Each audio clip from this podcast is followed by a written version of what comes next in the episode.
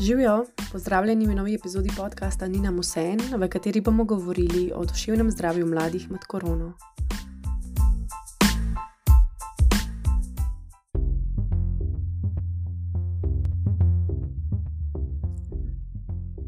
Trenutna epidemija koronavirusa prinaša velike spremembe v naše vsakdanje življenje. Poleg nenehnega spremljanja novic in sledenja zadnjim spremembam raznih odlokov, ta čas prinaša tudi veliko negotovosti glede prihodnosti in sprememb v medsebojnih odnosih. Med najbolj prizadetimi in pogosto prezrtimi pa so prav mladi. Sicer ne toliko v smislu poteka bolezni, kot zaradi drugih sprememb v času epidemije. Raziskava NIJZ-ja o vplivu pandemije COVID-19 na življenje ljudi je največ težav pri duševnem zdravju zaznala ravno pri mladih ljudeh, starih od 18 do 29 let. Zato sem se odločila, da v današnji podcast povabim tri mlade nadobudne študente, Irino, Tamaro in Denisa, ter z njimi pokramljam o njihovem doživljanju trenutne situacije.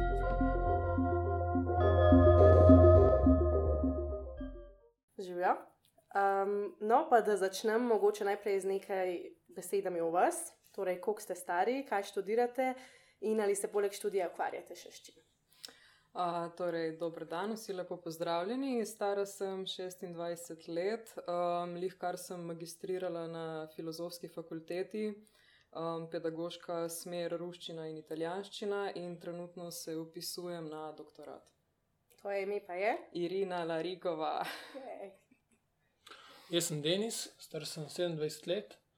Uh, Prejšnji let sem zaključil študij, magisterij, uh, zdaj pa delam v socialno-varstvenem sektorju. Uh, jaz sem Tamara, sem stara 26 let in uh, zaključujem magistrski študij na Akademiji za likovno umetnost in oblikovanje. Uh, trenutno delam kot prostovoljka v infocentru Škoc in na ljubljanski mreži Infotočka. Ok, torej. Če povzamem, ste vsi družbeno aktivni študenti. Uh, je to torej ukvarjanje z mladimi, posledica časa, v katerem živimo, iznuje, ali ste že taki po naravi? Verjetno po naravi. Uh, mladost prinaša to določeno stopnjo aktivnosti, ki potem izhlapi z leti, ampak za zdaj se mi zdi, da smo še dokaj aktivni.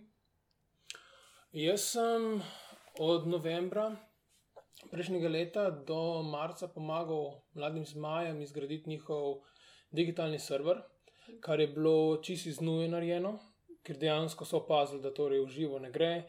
Mladi rabijo druženje in smo tam pa začeli razne dejavnosti izvajati in uh, razne skupine, zaradi tega, da bi se vsaj kaj dogajalo. Uh, jaz se v bistvu z mladimi ukvarjam že, mislim, že pri tabornikih, sem se, pri katerih sem, po mojem, 15 let. Tako da v bistvu prva neka taka aktivnost uh, nekega prenašanja znanja na mlajše generacije, sicer sem bila tudi jaz še v bistvu mlada, ko sem začela s tem.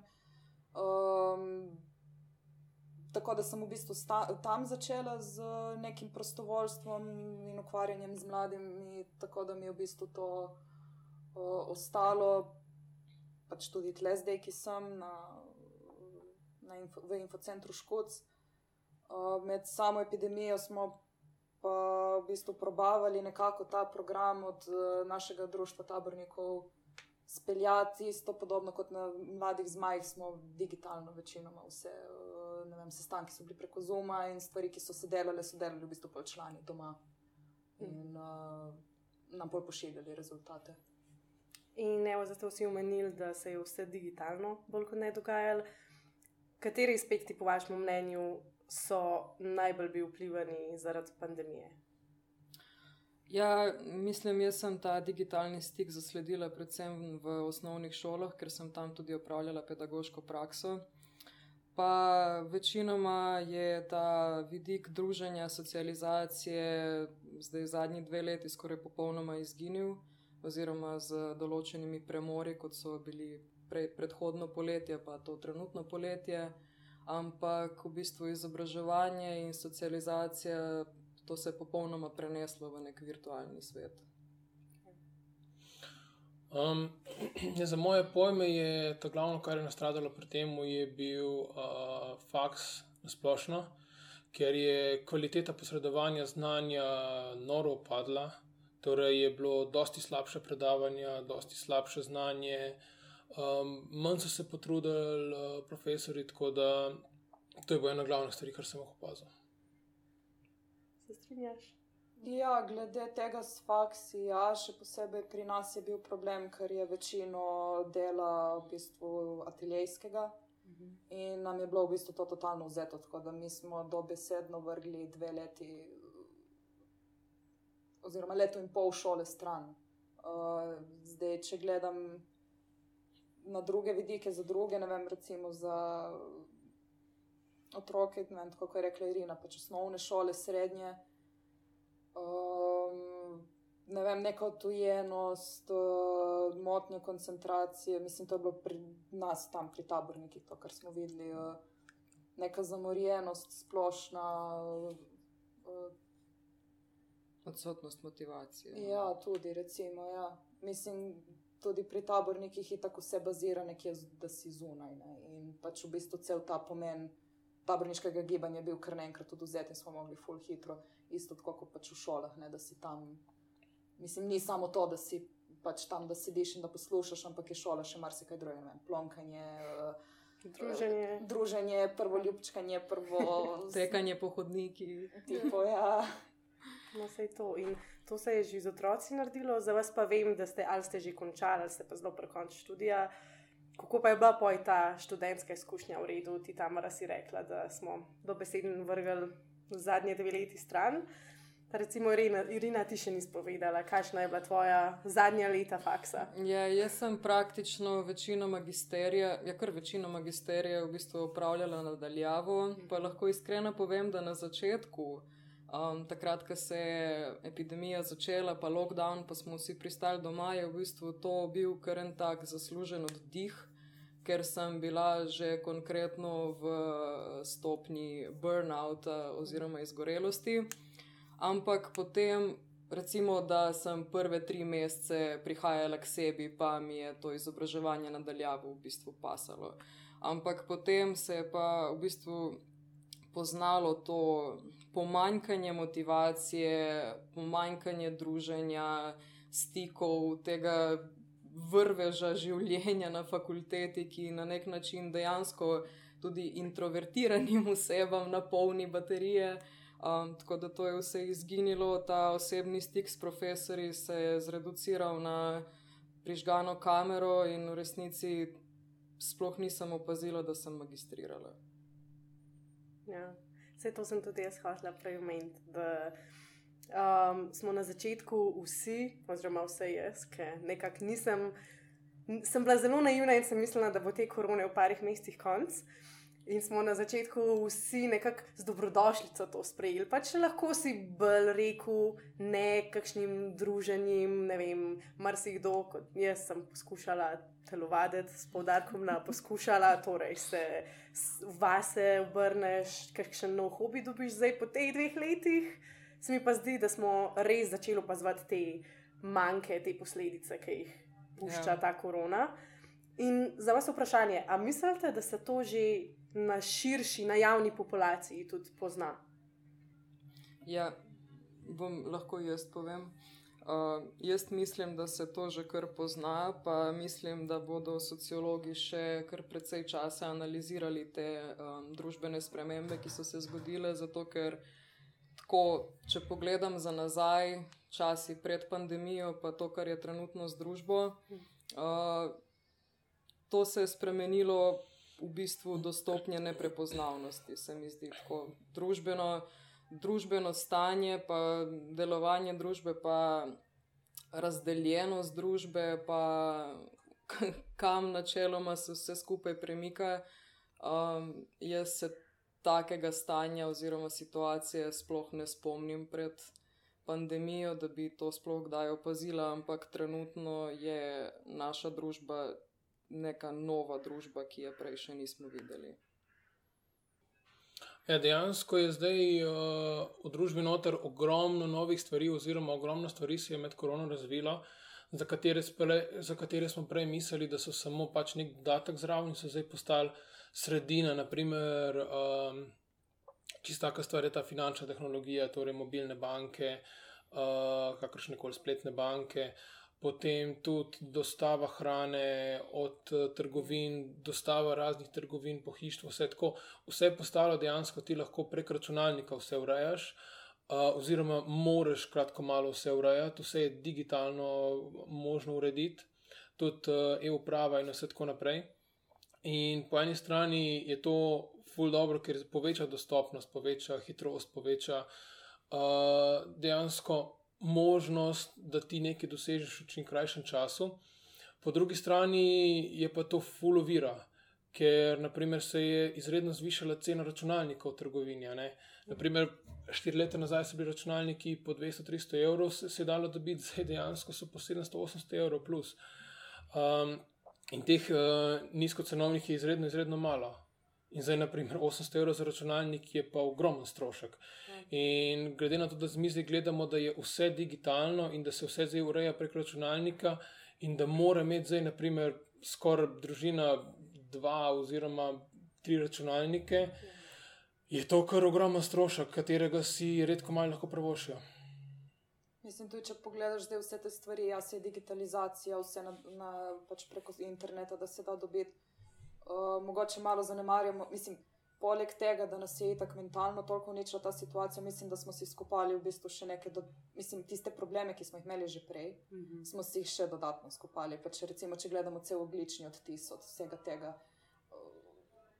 ne vem, pač to, kar je prinesla ta totalna digitalizacija. Ok, se je mogoče po eni strani, ne vem, ni bilo toliko transporta, mislim, ni bilo toliko, ne vem, letalskega transporta, je bilo pa po drugi strani, ne vem, kontejnerji so v Luko Koper konstantno vozili. Ja. In smo v bistvu, ok, ena stran se je malo zglihala, a druga stran je bila še vedno ful slaba. In mislim, da smo si recimo ta okoljski problem zdaj, trenutno, ki pač itak dosti vpliva na nas, še bolj skopali in že, mislim, cela ta situacija, mislim, da nas je precej potovkla in še zdaj te vsi ostali problemi, ki se samo rušijo na vse nas, so po mojem samo še ono češnja na vrhu torte, da, vem, da nas zlomi nekako. No. Jaz lahko glede digitalizacije dodam še to, da v bistvu so določene družbene skupine ostale izključene iz vsega tega, zato ker recimo generacije od 50, mislim, stari 50 plus, Sej ne govorim, da so vsi tehnološko nepismeni, ampak veliko jih ima težave z e-upravo. Jaz osebno vem, da sem veliko mogla pomagati um, staršem, recimo, oziroma osebam, ki niso toliko vešče s tehnologijo, pa že samo pošiljanje maila zdravniku za, za naročanje lahko predstavlja težavo za nekoga. Uh, še ena stvar, ki sem jo opazila, je pa, uh, se pa tiče mlajših generacij, ne? zato ker velja um, ta stereotip, da so mladi v bistvu zelo tehnološko um, vešči. V resnici sem v osnovni šoli opazila, da uh, niso zares, recimo 12-13 let stari otroci, ja, znajo uporabljati internet, pa mogoče igre, pa TikTok, ampak kar se tiče recimo maila, pa urejanja, pa tega um, vzpostavljanje tega tehnološkega reda, ki ga imamo, ne, ne izgubljanje gesel, pa uporabniških imen, pa vsega tega, to pa jim recimo ne gre, pa veliko krat izgubijo gesla, pa ne znajo poiskati pomoč, tehnično podporo. Tako da v bistvu, če ti otroka prehitro soočiš s pretirano digitalizacijo, se tudi otrok v bistvu izgubi v tem ne pride postopoma, tako kot smo recimo mi to lahko postopoma odkrivali, zato ker ni bilo take nuje, ampak oni pač so rabili takrat marca oziroma aprila, ko se je vse zaprlo, pač začeti to uporabljati in kar vse znati. Isto recimo za kakšne te osnovne orodja, ne vem, PowerPoint, Word in Excel. Uh, vem, verjetno si ti dosti več tega videl, ampak jaz sem recimo pri mojih nečakinjah, ena je zdaj v petem razredu, ena v šestem, uh, enostavno niso znali tega uporabljati, pa to ratela neka, neka glavna, ne glavni način v bistvu za vse naloge, ki so jih imeli v šoli, je, bil pač to, je bila to glavna zadeva. Ni, ker enkrat ni bilo več zvezkov, je bil samo še Word in PowerPoint in se prav spomnim, da sem jaz mogla iti z njimi. Od začetka vse to. Uh mhm. -huh. Ali pa recimo, ki si prej, Rena, ti govorila o tej izključenosti, ne vem, starejših kaj pa oni, recimo, mičke, ni čisto, ne vem, prvi, ja. drugi razred, ono, ja. res greš prvič v šolo in ti ni ja. jasno nič in zdaj kar naenkrat si doma. Mislim, jaz si mi smo imeli ful srečo, da smo dali v bistvu vsa ta obdobja, da jim reči Ja. normalno skozi in da nas je to tokalo, eh, prizadelo, ko smo bili. Kaj? Ja, v bistvu že dokaj mladi odrasli. No. Ja, Ja, pa že za nas je hudo. Ne? ja, pa Ja. že nam je Kaj šele potem tam mali, ki se zanašajo na starše, ampak starši pa morajo v službo, da se potem zasluži in recimo kup tiste 800 evrov drage računalnike in tako naprej. Je bilo pa tudi zanimivo, ker si umenila ta okoljski problem. Uh, ne vem, v prvem valu je bilo, da se je iz ne vem katere azijske države prvič po ne vem kolikih letih Himalaje videlo, ker so se tovarne ugasnile in tako naprej. Ampak, če si pa spremljal novice, je bilo pa povsod po tleh maske, pač z, samo isti problem smo zamenjali z drugačnimi odpadki in tako naprej. Ok, da pa, ja, hotela sem pa še to reči. Mi je bilo zanimivo, da pa noben od vas ni omenil, ker recimo jaz sem pa to družbo, ko vidiš, da se pač med temi valovi, ko se je malo bolj pustilo vse, uh, so ljudje lahko hodili po raznih trgovinah in tako brez PCT-jev, se je pa zelo opazil nestrpnost. Se mi zdi, da so ljudje postali dokaj nestrpni. Uh, zdajle, oziroma, hitreje so se ujezili, ker nekako pozabiš na to, te družbene norme, ki jih imamo, se bi strinjali. Ja, se to, kar sem prej govorila o neprepoznavnosti družbe, Aj, sem precej mislila negativne vidike, nisem mislila, da smo šli na boljše. No. Ja, nestrpnost, eh, sovražni govor, sovraštvo v vseh svojih oblikah se je izkazalo.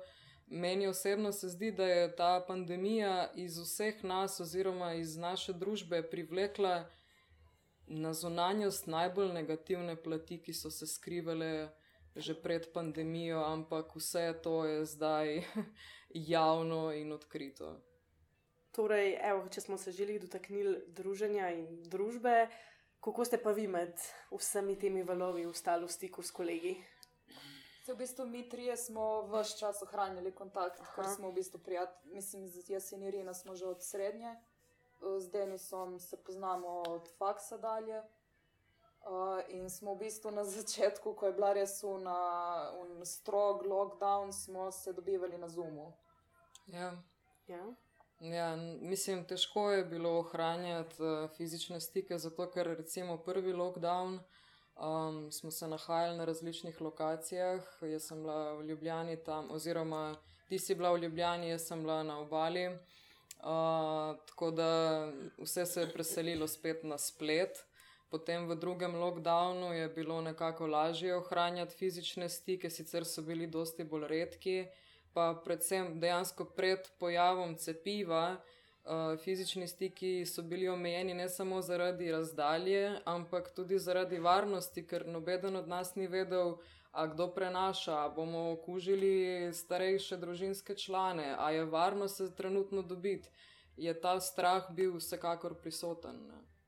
Tudi recimo vmes, ko se poleti, to smo se glih pogovarjali, fulkrat, uh, ko je bilo poleti malo bolj uh, umirjena, da je reči situacija. Ne, uh, ni, in smo se dobivali, ne vem, smo šli tudi na pijačo ali pa ne vem, kakšen dogodek, ampak ni bilo unega sproščenega. Vedno smo vsi trije čakali pismo, kdaj bo spet nekje zopet. Mislim, kot da bi vedeli, da se bo spet to zgodilo. In tudi ko je bilo končno to druženje možno, nekako uživo, je še vedno bil ta nek strah prisoten, kot je bil prej, ko smo bili totalno zaprti in uh, na zumu. Pa so se recimo teme pogovora tudi spremenile. Je bila tema vedno nekako navezana na korono, ali ste se pogovarjali naprej, tako kot pred epidemijo?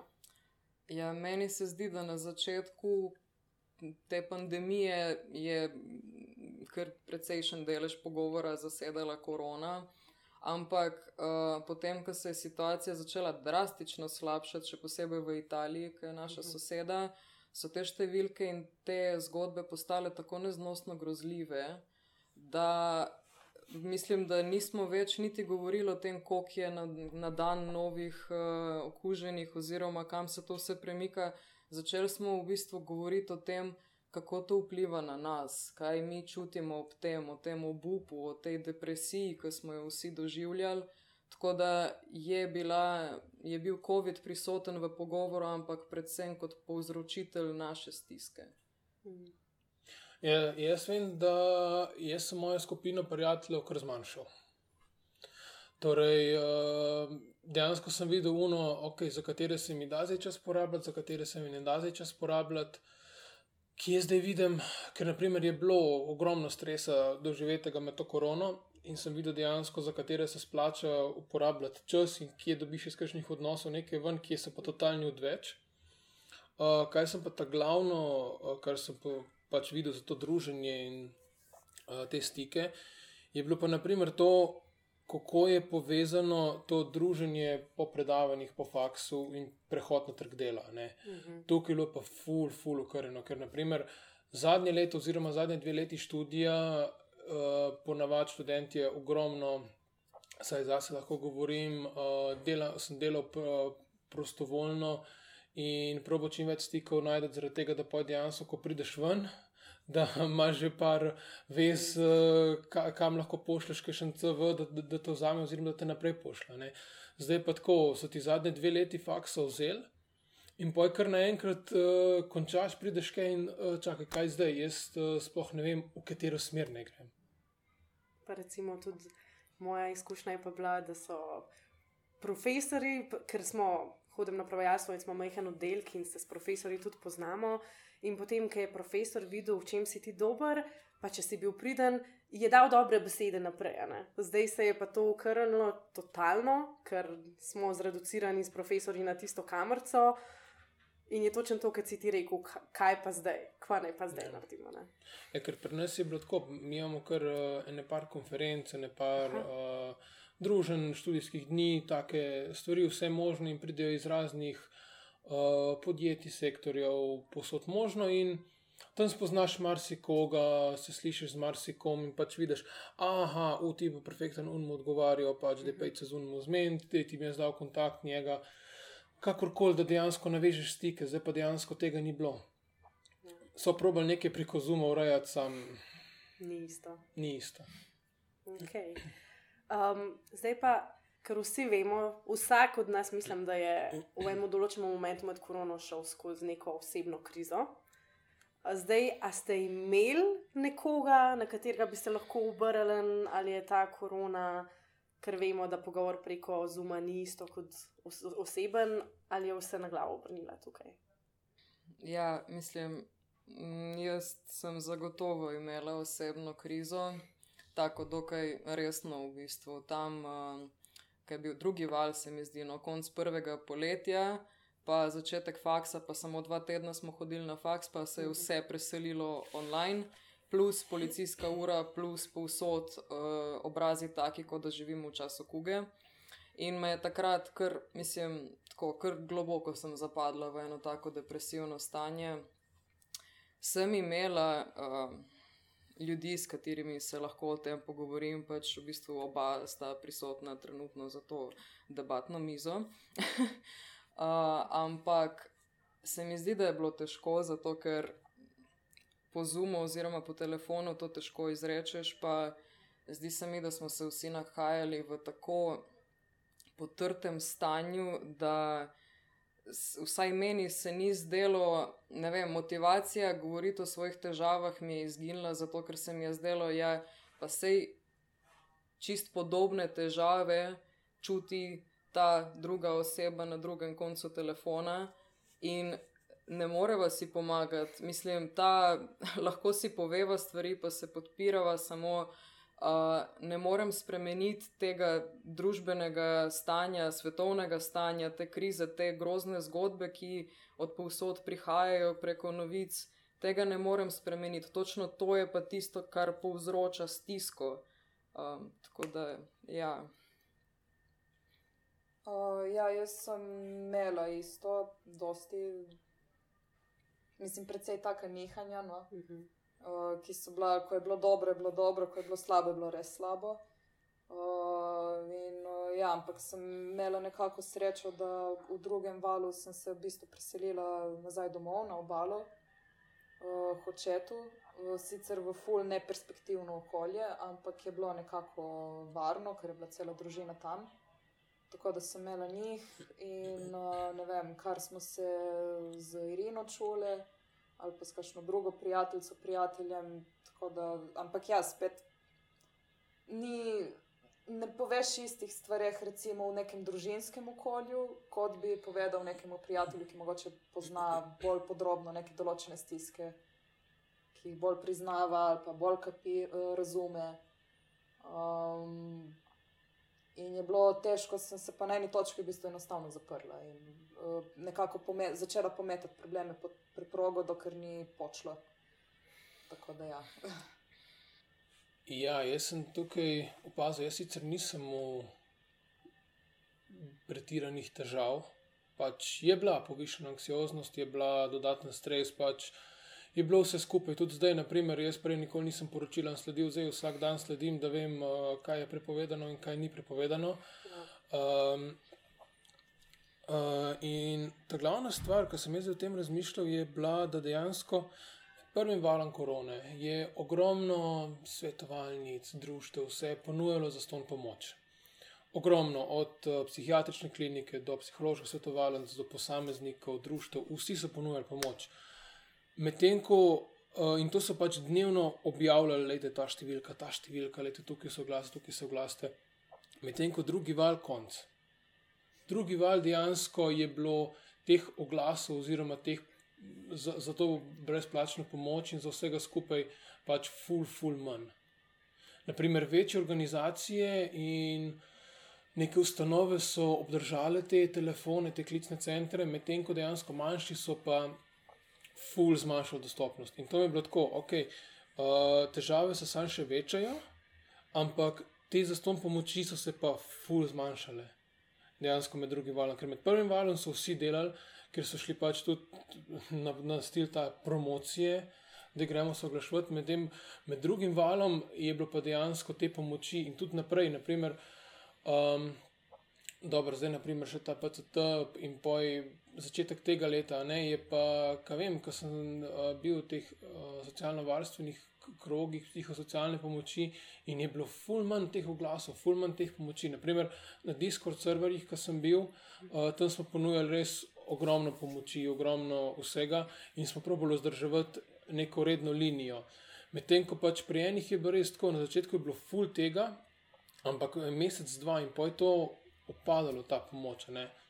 In, naprimer, če zdaj pogledam med drugim in tretjim valom, pač res uh, je bilo ful malo teh uh, oglasov, ful malo teh pomoči. Tako da je bil na začetku bil trend pomoči, posebej pa zmanjšal, pač kao sprijazen se, pač klasi. Meni se tudi zdi, da v bistvu, mislim, jaz poznam ogromno mladih uh, različne starosti, ki so na tak ali drugačen način pač zapadli v depresivno stanje oziroma anksiozno stanje.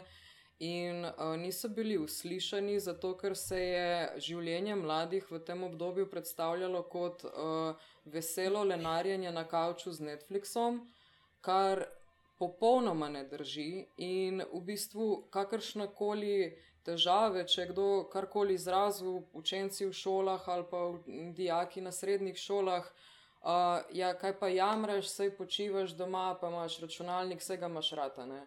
Mislim, tako stiske je ogromno, reakcija pa odzivi so pa kakšenkrat tako zelo negativni. Ne?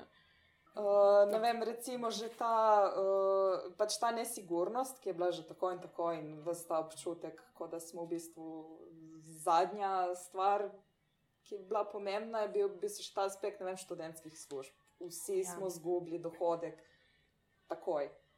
Uh, in uh, ne vem, če so se zavedali, v kakšno stisko, tudi finančno, ki je v bistvu še bolj poglobila vse te psihološke stiske, že ta panika glede denarja. Jaz sem delala dve službe prej in sem izgubila, uh, ker valjda študenti smo bili pač prvi, ki smo šli stran.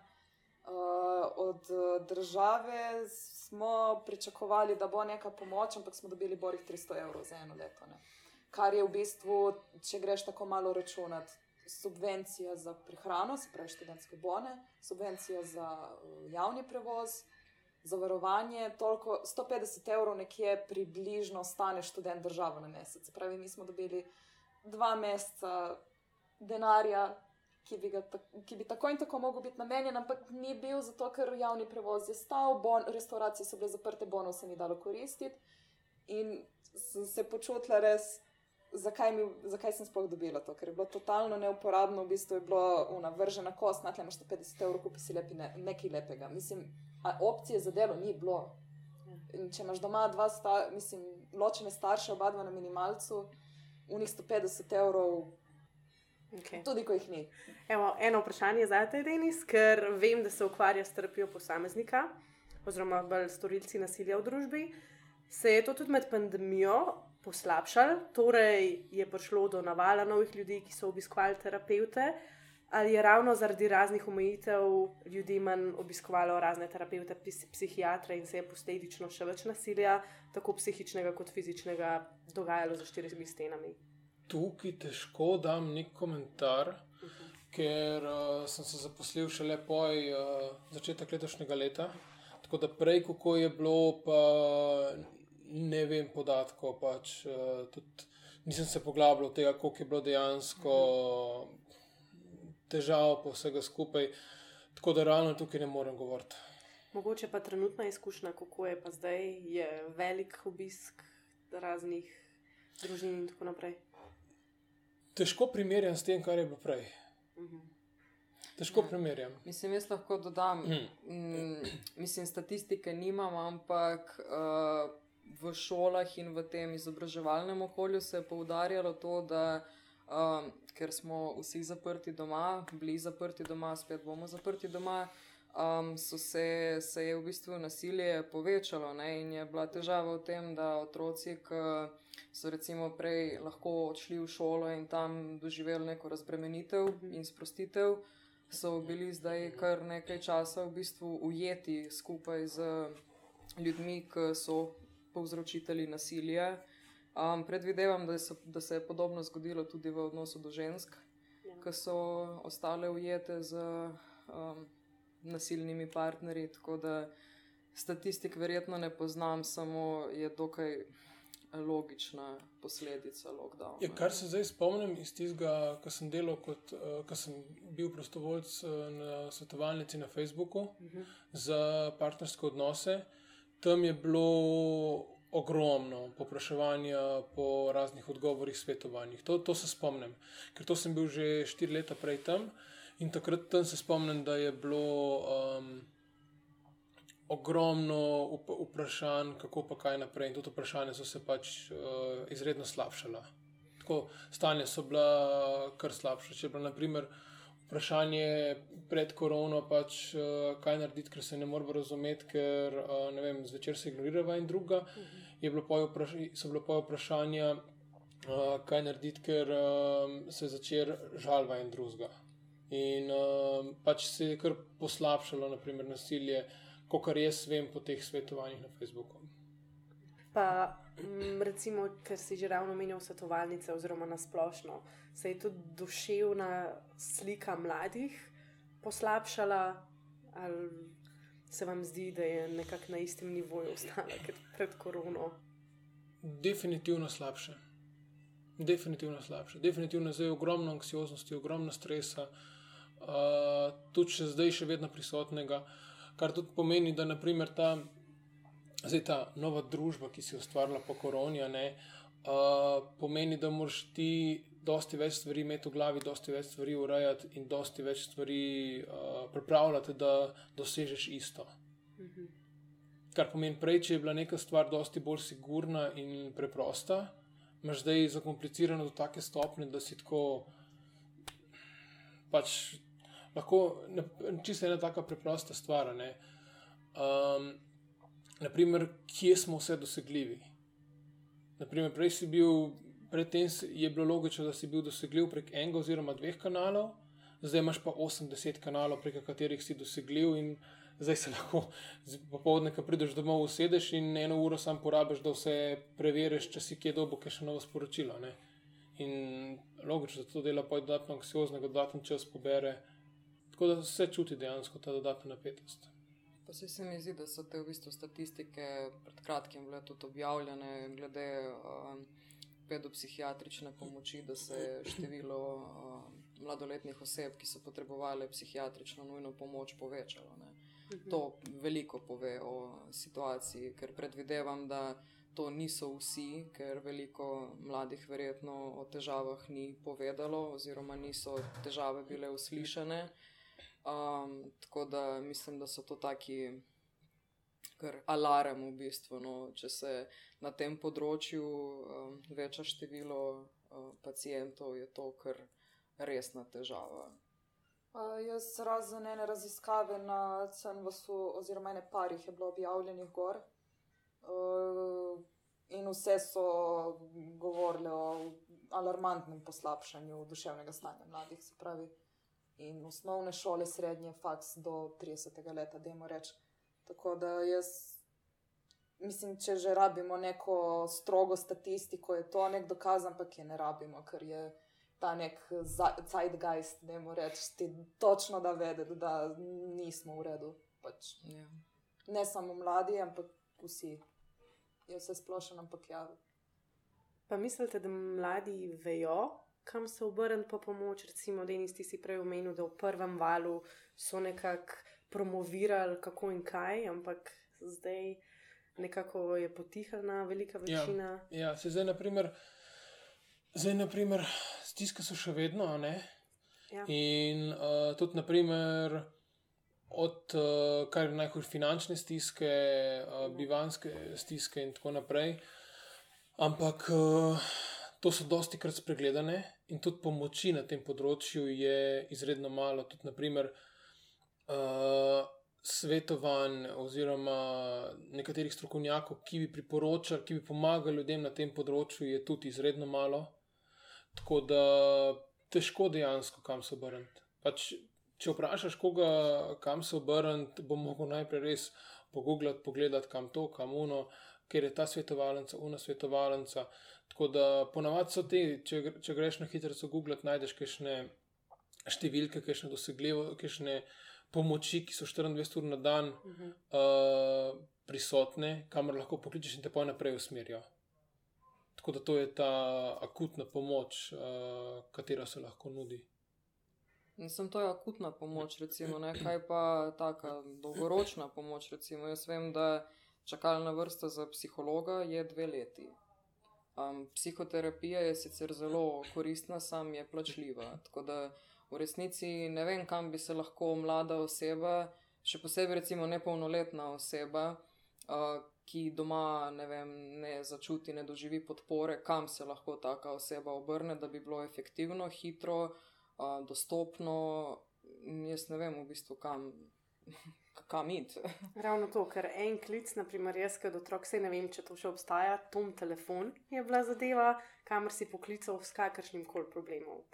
In ja, če si poklical, v redu so ti takrat pomagali tistih deset minut, ampak to v trenutni situaciji res ni dovolj, da nekomu rečeš, jaz sem pa v taki močni stiski in te nekdo potolaž. Ja, in kaj zdaj? Ja, Jaz še vedno sem v tej stiski. ja.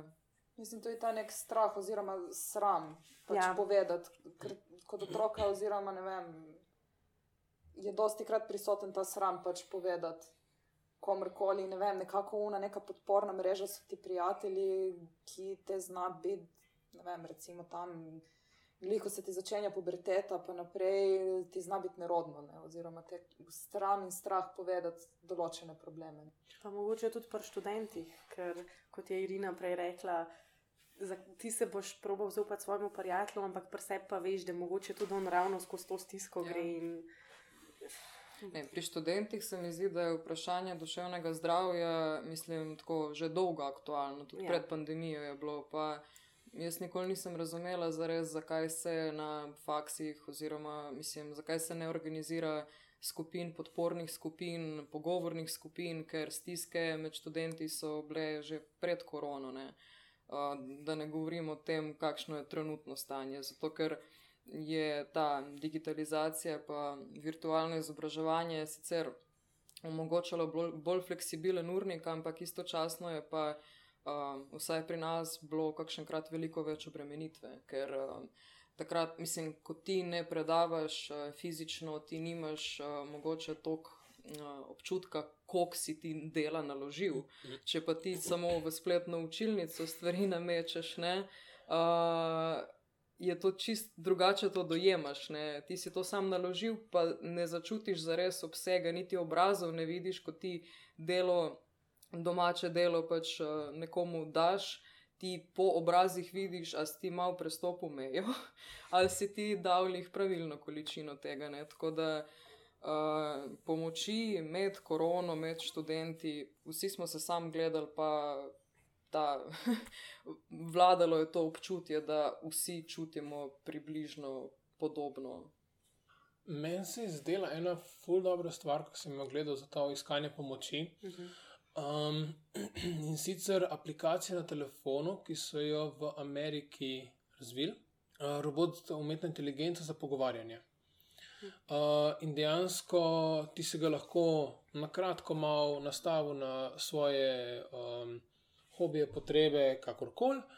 In on je bil uh, tvoj dejansko sogovornik ti se lahko pogovarjal, ti se lahko klical, pogovarjal, pisal, kakorkoli, v glavnem si imel lahko neko diskusijo.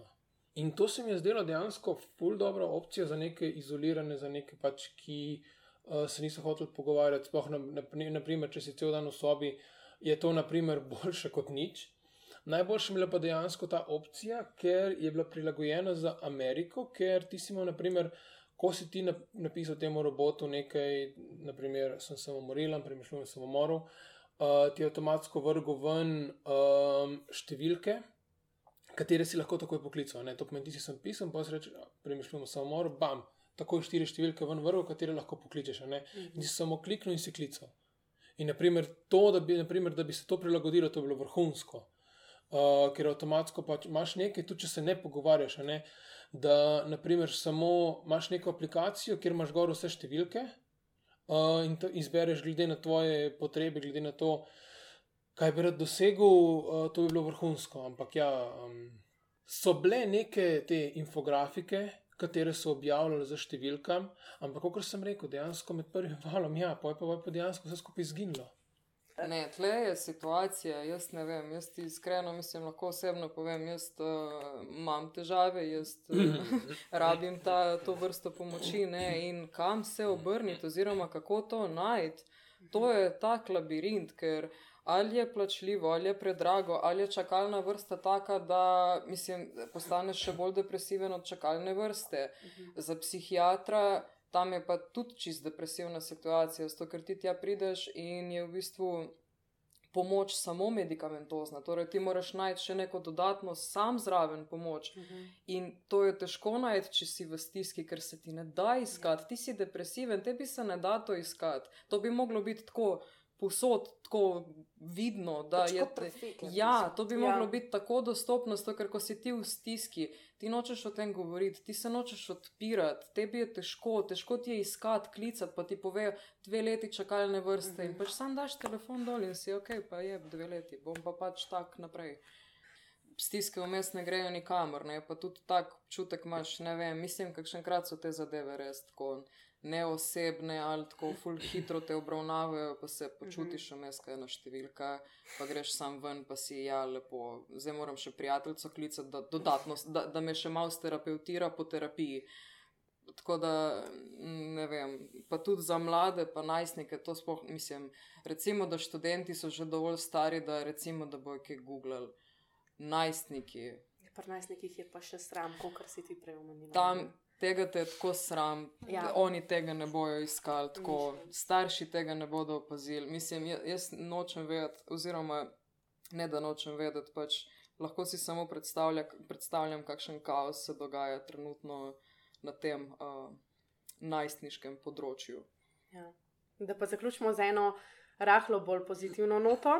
Bi mi lahko vsak od vas povedal eno od pozitivnih stvari, s katerimi ste se um, začeli ukvarjati med korono? Um, jaz uh, lahko osebno povem, da vem, um, tople vode nisem odkrila, novega jezika se tudi nisem naučila, sem pa ogromno časa preživela z mojo 13-letno zlato prinašalko, pa več sem risala, pa več sem klavir igrala. Denis? Um, začel sem se uč učiti nove jezike. Uh, drugač pa začel sem slediti dosti več poročilom. Oh, to pa ni pozitivno. To ni nov hobi. uh, ok, Tamara. Si, jaz sem malo zapadla v neko, ne vem, v neko tako čudno situacijo, tako da nisem imela neki dosti volje, ampak sem vmes začela uh, teči Mhm. uh, in se s povstenjem ukvarjati. Pač to je nespredena volna, s Mhm. katero se dela stvari, ampak tudi to je pol hitro šlo. Stran. Ampak ajde, vsaj nekaj novega sem probala. Tako, mogoče pa na stara leta prav pride. Ja, Čakaj, se bo peti val. ja se res. Ok, um, no, s tem bi pa zaključila. Hvala za pogovor. Hvala Da je tebi. to. Hvala. Hvala vam. Lepo se majte. Enako.